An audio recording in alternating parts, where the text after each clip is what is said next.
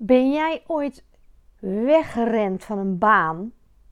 Uh, of echt hè, vertrokken ergens dat je dacht: oh my god, hier wil ik echt niet meer werken. Maar wat heb jij daar geleerd? Waar je nu misschien nog wel dingen aan hebt. Daar wil ik het vandaag even over hebben. Als thema van de rode draad hè, van jouw authentieke ondernemersverhaal.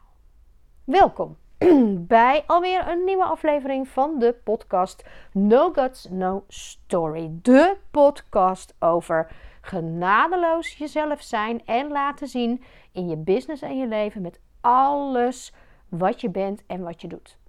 Mijn naam is Eve Lanois.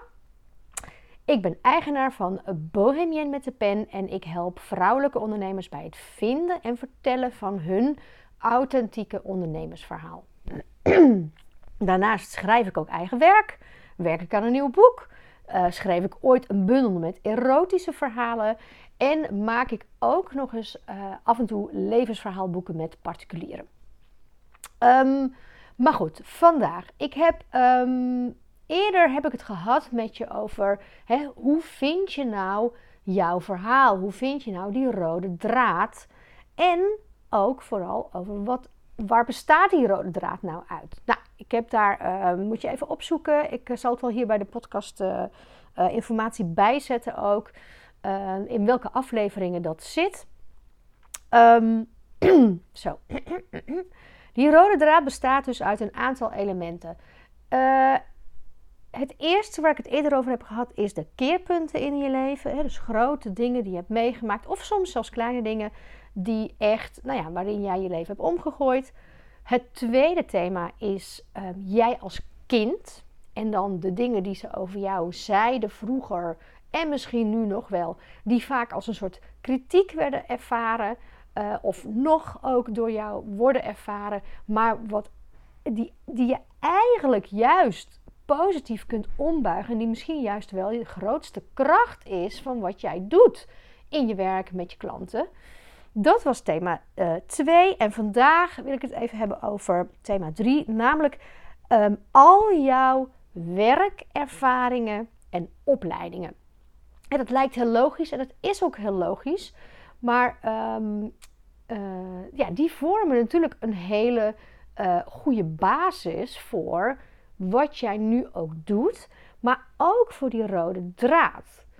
Um, en juist soms ook wel als jij uh, bij een baan uh, misschien wel weggevlucht bent. Hè? want jij bent misschien wel super happy dat je nu ondernemer bent. En denkt, oh my god, ik wil echt nooit meer een loondienst. En ik vond het echt verschrikkelijk of weet ik veel wat. Maar hè, um, al die ervaringen die je hebt opgedaan. En misschien ook zelfs wel stages. Hè? Ik bedoel, daar kunnen we heel uh, lacherig misschien over doen. Maar um, ook dat soort ervaringen hebben allemaal bijgedragen aan jouw pad en aan waar jij nu staat.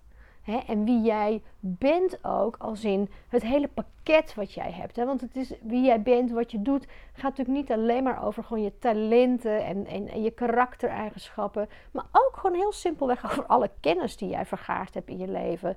Um, in opleidingen, in werkervaringen en alle uh, vaardigheden, ervaringen, al dat soort dingen die jij um, hebt geleerd en gedaan. Dus ook dat is echt um, een groot deel van die rode draad.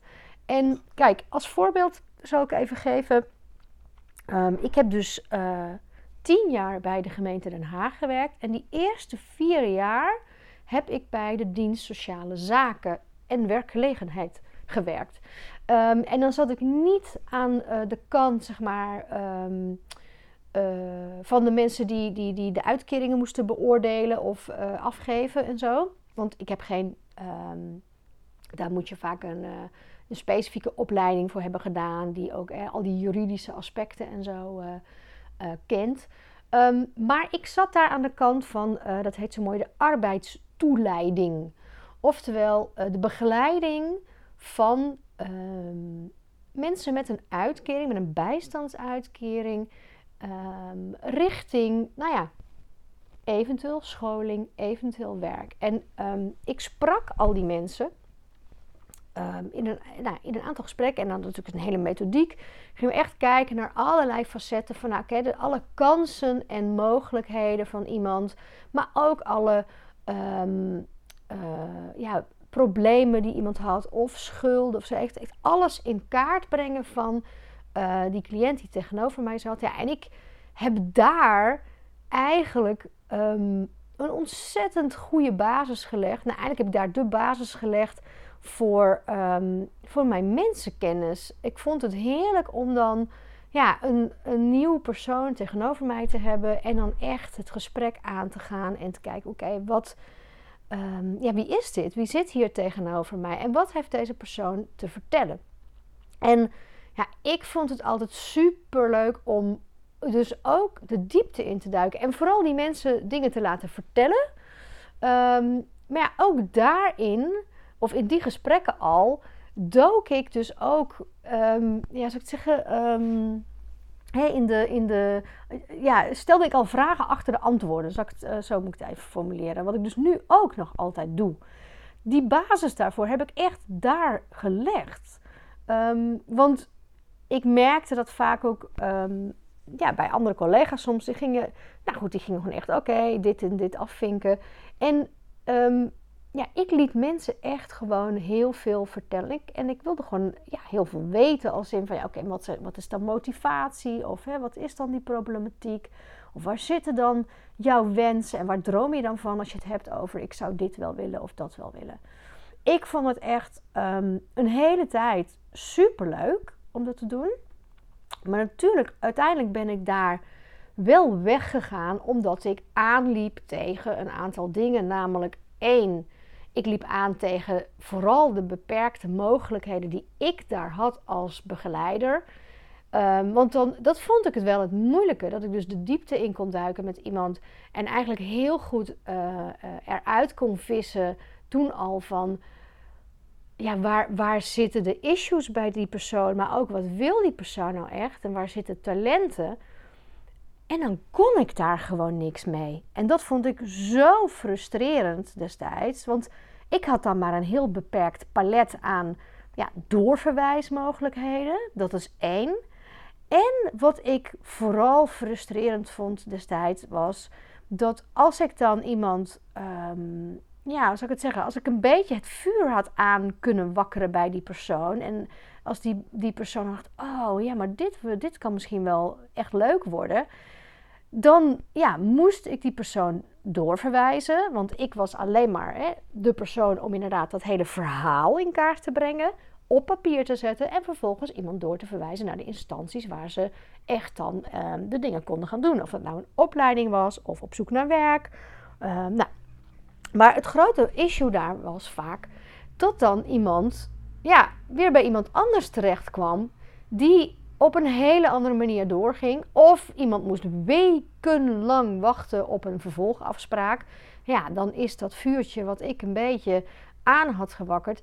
Ja, dat was dan alweer lang en breed uitgedoofd. En dat zag ik ook echt gebeuren bij mensen. Ik kreeg het ook terug als feedback soms van mensen die me dan nog contacten.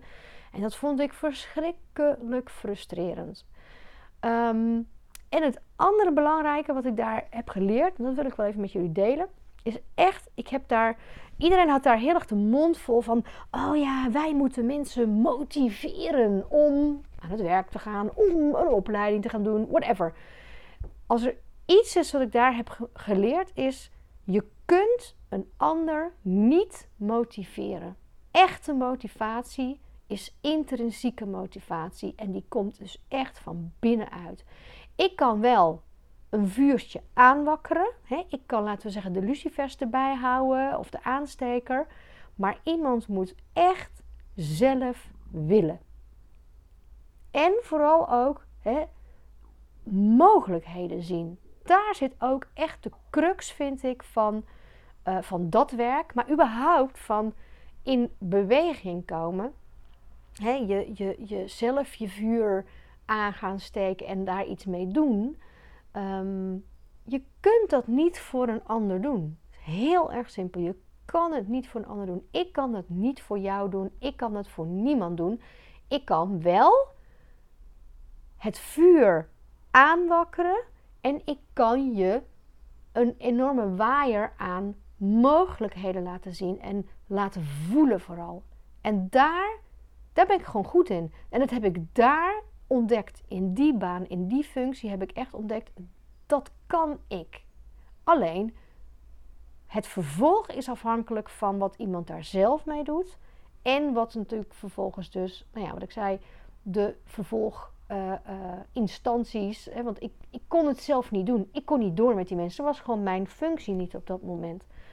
Um, en iemand moet natuurlijk openstaan en niet alleen maar willen. En daar liep ik ook tegenaan dat best wel wat collega's hè, heel erg voelen van ja, mensen willen helemaal niet. Het is natuurlijk best wel een beeld ook in de buitenwereld van hè, mensen in de bijstand. Ja, die willen niet. Ik ben echt maar heel, heel weinig cliënten tegengekomen die echt niet willen. Er waren er een paar, absoluut. Maar de meeste mensen willen heel graag, alleen zien en voelen gewoon de mogelijkheden niet. Die, die, die zien gewoon de, nou ja, ik zeggen, de uitgangen niet van de situatie waar ze in vastzitten. En dat is echt cruciaal. Als je dat niet ziet, als je niet voelt van hé, hey, maar er zijn opties. Ik kan andere dingen doen, bereiken. Er zijn kansen. Kijk, als je dat niet kunt voelen, niet kunt zien, dan, dan lukt het ook gewoon niet.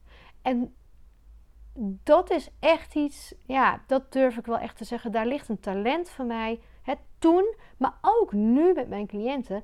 Op de een of andere manier, ja, ik zie ze wel die mogelijkheden. En ik ben in staat om dat over te brengen aan de ander omdat ik ze gewoon zie. Ik, voel, ik denk, ja, maar als je dit en dit en dit. Ik knoop die dingen aan elkaar. En denk, ja, maar dan kun je toch dit. En moet je kijken, je moet daar en dit. En, en dan zie ik mensen gewoon open. En denk, oh, wacht even daar had ik eigenlijk nog helemaal niet aan gedacht. Oh, nu je dat zegt. Oh ja, dat ga ik eens. Oh, oh, dit is tof. Nou ja, die kwaliteiten van mij, die, dat talent, die vaardigheden en gewoon puur die ervaring en de mensenkennis die ik allemaal heb opgedaan in die baan, ja, daar pluk ik elke dag nog de vruchten van. Ook al ben ik daar uiteindelijk vertrokken met een, een gevoel van fucking hell, ik wil hier weg. Ik vind dit te frustrerend. Maar het lag dus niet zozeer aan dit deel van het werk. Want dat, daar genoot ik gewoon van. Die gesprekken met mensen. Ik heb daar ook echt. Uh, want ik heb ook toen trainingen gedaan in gesprekstechnieken uh, met acteurs. Dat vond ik echt fantastisch trouwens om te doen. En ik, um, ik heb echt in die tijd, in die baan, heb ik heel goed geleerd om te luisteren. En wat luisteren en vooral stiltes laten vallen in zo'n gesprek, wat dat kan doen. En ik heb soms letterlijk zitten tellen in mijn hoofd, omdat ik gewoon zag dat iemand heel veel tijd nodig had. En ik zag gewoon bij collega's dat ze dat niet deden, dat ze gewoon, oh geef geen antwoord, nou ja, uh, dan vul ik het zelf wel in, of laat dan maar. En ik, ik heb letterlijk zitten tellen soms. En ik weet al echt van sommige cliënten. Dan zat ik echt, nou ja, tenen krommend. Was ik al bij 20 of zo. Hè? 20 seconden wachten in een gesprek en een stilte laten vallen. Dat is echt lang. Dat lijkt niks, maar dat is echt lang. En dan kwam die persoon toch. Na die 20 seconden voelde hij zich veilig genoeg om antwoord te geven. Ja, dat vond ik echt super gaaf gewoon. Heerlijk. Daar genoot ik echt serieus van. Nou ja, dus om eh, mijn voorbeeld om aan te geven hoe oud werk van je, zoals is het 20 jaar geleden, want dit is dus serieus, wanneer werkte ik daar? Even heel diep nadenken. Ik ben daar begonnen in. Uh, fucking hell. 2001 geloof ik. Oh, dat is dus echt serieus. 20 jaar, dik 20 jaar geleden werkte ik daar. Nou, ik pluk daar serieus nog altijd de vruchten van. Van die ervaring, van wat ik daar heb geleerd en gedaan en me heb kunnen ontwikkelen. Um, ja, dat neem ik gewoon echt mee nog steeds. Dus um, ga daar eens naar kijken. Ga eens met een andere blik kijken naar alle, alle banen die je hebt gehad. Alle werkervaring. Ik bedoel, ik heb ook um, als uh, puber in een slagerij gewerkt. Ja, ik vind dan wel heel tof. Ik kom natuurlijk, mijn, mijn, mijn vader uh, komt oorspronkelijk uit een slagersfamilie. Um, en ik heb daar, als je het dan hebt ook over contact en over servicegericht. Uh, ik heb ja, jaren in, dus in winkels gewerkt. Ik heb in de horeca gewerkt. Met heel veel plezier in allerlei verschillende horeca um, situaties. Ik heb in een nachtcafé achter de bar gestaan. Ik heb catering gedaan. Um, ik heb op festivals dingen gedaan. Oh, ik zit ontzettend om een microfoontje. Excuus, excuus. Um, ja, ik heb ook daarin ontzettend veel. Ik heb dus heel veel met mensen gewerkt. Ik heb servicegericht gewerkt. Um, nou, dus die baan. En goed, en dan nog later heb ik acht jaar, uh, zeg het goed, ja, uh, nee, zes jaar bij de dienst stedelijke ontwikkeling gewerkt bij de gemeente. Kijk, nu denk ik, ja, ik wil geen gemeenteambtenaar meer zijn. Maar ik heb zoveel geleerd en gedaan, ook in die uh, baan, in die functie. Um, ik heb daar ook echt mijn liefde voor, uh, voor schrijven opnieuw ontdekt. Ik heb mijn liefde voor um, vertellen en zeg maar promotie, marketing, heb ik daar ook echt ontdekt. Ik heb voor city marketing gewerkt. Ik heb Den Haag als heerlijke woonstad gepromoot. Ja, en ik vond dat fantastisch. Ik heb daar met. Uh, ik heb mensen bij elkaar gebracht. Dus ik heb heel veel verschillende dingen gedaan. Um, als beleidsmedewerker. Terwijl ik was maar een gewone beleidsmedewerker. Maar ik zeg altijd van ja, ik heb me altijd in de marges van beleid gemanoeuvreerd.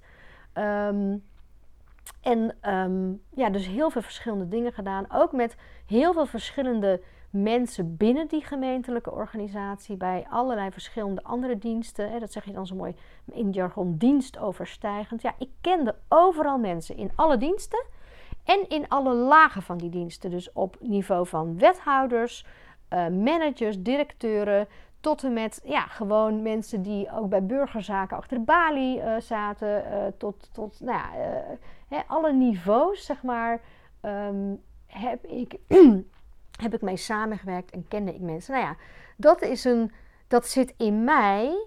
Maar ik heb daar ook heel lang, ja, hoe zou ik het zeggen, mogen spelen voor mijn gevoel en mogen leren.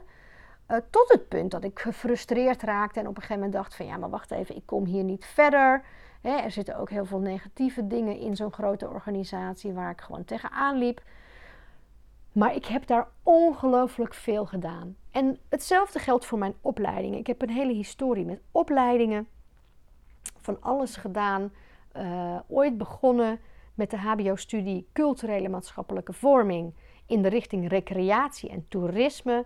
Met een hoofdvak drama, dus veel met, met acteren, toneel. Is altijd een grote liefde voor mij geweest. Uh, waar ik op dit moment niet zoveel mee doe. Um, uiteindelijk heb ik die studie toen niet afgemaakt. Ben ik, heb ik kort Spaans gedaan, Italiaans, uh, Europese studies. Daar weer mee gestopt. En, en een paar jaar later heb ik dan in Rotterdam um, heb ik eerst die HBO-studie afgemaakt in deeltijd naast een baan. En uh, in de richting uiteindelijk van samenlevingsopbouw en educatie. Nou, ook weer dus helemaal gericht op dat werk wat ik daarna deed bij de gemeente. En uh, een paar jaar later heb ik dan nog de studie uh, sociologie gedaan aan de Erasmus Universiteit. En dan de master grootstedelijke vraagstukken en beleid. Nou, dat sloot ook heel goed aan. En daar is ook mijn, um, ja, zou ik het zeggen, mijn, mijn liefde voor. Um, hoe moet ik dat nou omschrijven? Voor grote kaders, voor eigenlijk een, een groter perspectief op de dingen, voor verbanden. Hè, verbanden leggen tussen heel veel dingen. Um, eigenlijk, ja, zo, nou, zo, dat noem je ook wel helikopterview. Maar vooral, nou ja, echt in het grotere geheel altijd zien. En daarbinnen al die losse eindjes, al die thema's, al die onderdelen. En zien hoe de dingen met elkaar samenhangen. Dus ik ben dan wel vertrokken bij de gemeente en ik ben dan wel vertrokken vanuit een loondienstfunctie en ik ben nu zelfstandige en ik schrijf. Maar al die dingen die ik heb gedaan en geleerd, die zitten wel in mijn rugzak. En het is dus absoluut interessant om niet alleen maar uh, te kijken naar vorige dingen met, oh ja, dat, toen was ik gefrustreerd of ben in een burn-out geraakt. Uh, ik heb ook in 2010 een tijd overspannen thuis gezeten. En ik kan heel negatief terugblikken daarop. Maar het één, dat is helemaal niet mijn gevoel. En twee, daar heb je gefuk aan. Want je hebt daar allemaal dingen in geleerd, ervaringen opgedaan, kennis, expertise. En dat is allemaal, zit dat in jou. En allemaal is dat onderdeel van jou. En van wie jij bent en wat je doet. En van de rode draad. Van de essentie van wie jij bent en wat je doet. En dus ook van de impact die jij wil maken. ik neem die mensenkennis die ik twintig jaar geleden zo heb opgedaan. En in mijn bijbaantjes met mensen. Maar dus ook in het werk bij de sociale dienst. Ik neem dat elke dag nog mee. Daar heb ik zo'n. Want ik heb dus in de Schilderswijk gewerkt in Den Haag. Hè. Ik heel een beetje. Um, denigrerend zeg ik dan het putje van de samenleving. Maar ik heb echt het putje van de samenleving gezien. Ik heb zoveel ellende gezien. Ehm, en later, in 2017, ehm, heb ik ook nog een jaar in de thuiszorg gewerkt. Heel ander verhaal. Voor een andere keer. Maar daar heb ik ook ongelooflijk veel ellende gezien achter de voordeur bij mensen. Nou ja, ik kan je vertellen, dat maakt je ook nederig. Dat relativeert enorm. Nou, dat zijn allemaal dingen, allemaal ja, levens, werk, opleidingservaring die jij bij je draagt. Dus mijn vraag, mijn opdracht is ook, als je nou dus die rode draad hebt, duik ook daar eens in. Dus duik in je keerpunten, in de belangrijke sleutelpunten van je leven. Duik in, je, in, de, in uh, de kindeigenschappen. En duik in je opleidingen en je werkervaringen. Om daar, nou ja, eigenlijk het goud uit te vissen. Van wat daarin zit. En ga echt eens kijken naar hoe gebruik jij die dingen nu met jouw klanten in jouw business. En dan niet alleen maar puur de kennis hè, en de expertise, maar dus ook dit soort dingen kwaliteiten, dingen die je ontwikkeld hebt daarin, vaardigheden, kennis en um, ja, puur ervaring gewoon die je hebt opgedaan. Nou, dat is, um, ik hoop niet al te lang, nou, valt reuze mee deze podcast, over dat thema van de rode draad vinden van jouw authentieke ondernemersverhaal. Heb je hier nou vragen over? Of zeg jij, oh, superleuk en interessant Eve, uh, en dat wilde ik je even laten weten. Laat het dan even weten. Leuk als je dat doet. Een DM, een uh, mailtje op info.bohemienmetdepen.nl. Altijd leuk. Een uh, toffe, goede review um, op de plek waar jij deze podcast luistert. waardeer ik natuurlijk ook super. Uh, hartstikke fijn als je dat uh, zou willen doen. Druk op de volgknop als je dat nog niet hebt gedaan, zodat je geen aflevering hoeft te missen. En als je um, alles van mij wil weten, maar dan ook echt alles. nee, alles wat ik doe um, vanuit mijn bedrijf kun je vinden op bohemienmetdepen.nl. Alles over um, mijn uh, eh, 100 woorden per week bijvoorbeeld en andere dingen die ik doe met schrijven kun je vinden op evelanois.eu. En als je um, ook de uh, exclusieve extra podcasts wil uh, krijgen en beluisteren. En als je alles, alles wat ik schrijf mee wil krijgen, ook over mijn nieuwe boek, ga dan naar petje.af slash En dan kun je voor heel weinig. Hè, ik zeg altijd een, een abonnement, een weinig voor veel abonnement. Uh, nee, veel voor weinig. Oh, ik draai hem helemaal verkeerd om. Sorry, veel voor weinig abonnement uh, kun je op me nemen. En dan uh, krijg je alles direct in je mailbox um, wat ik schrijf. En, en ook de podcasts. En ook de Secret Podcast. Podcast, zo echt een struikelwoord is dat. Anyway, ik wens je... Um, een heerlijke dag, ochtend, middag, avond, nacht, wanneer je dit ook luistert. Bedankt voor het luisteren. Ik hoop dat het je geïnspireerd heeft. Ga er lekker mee aan de slag. En um, tot de volgende. Bye.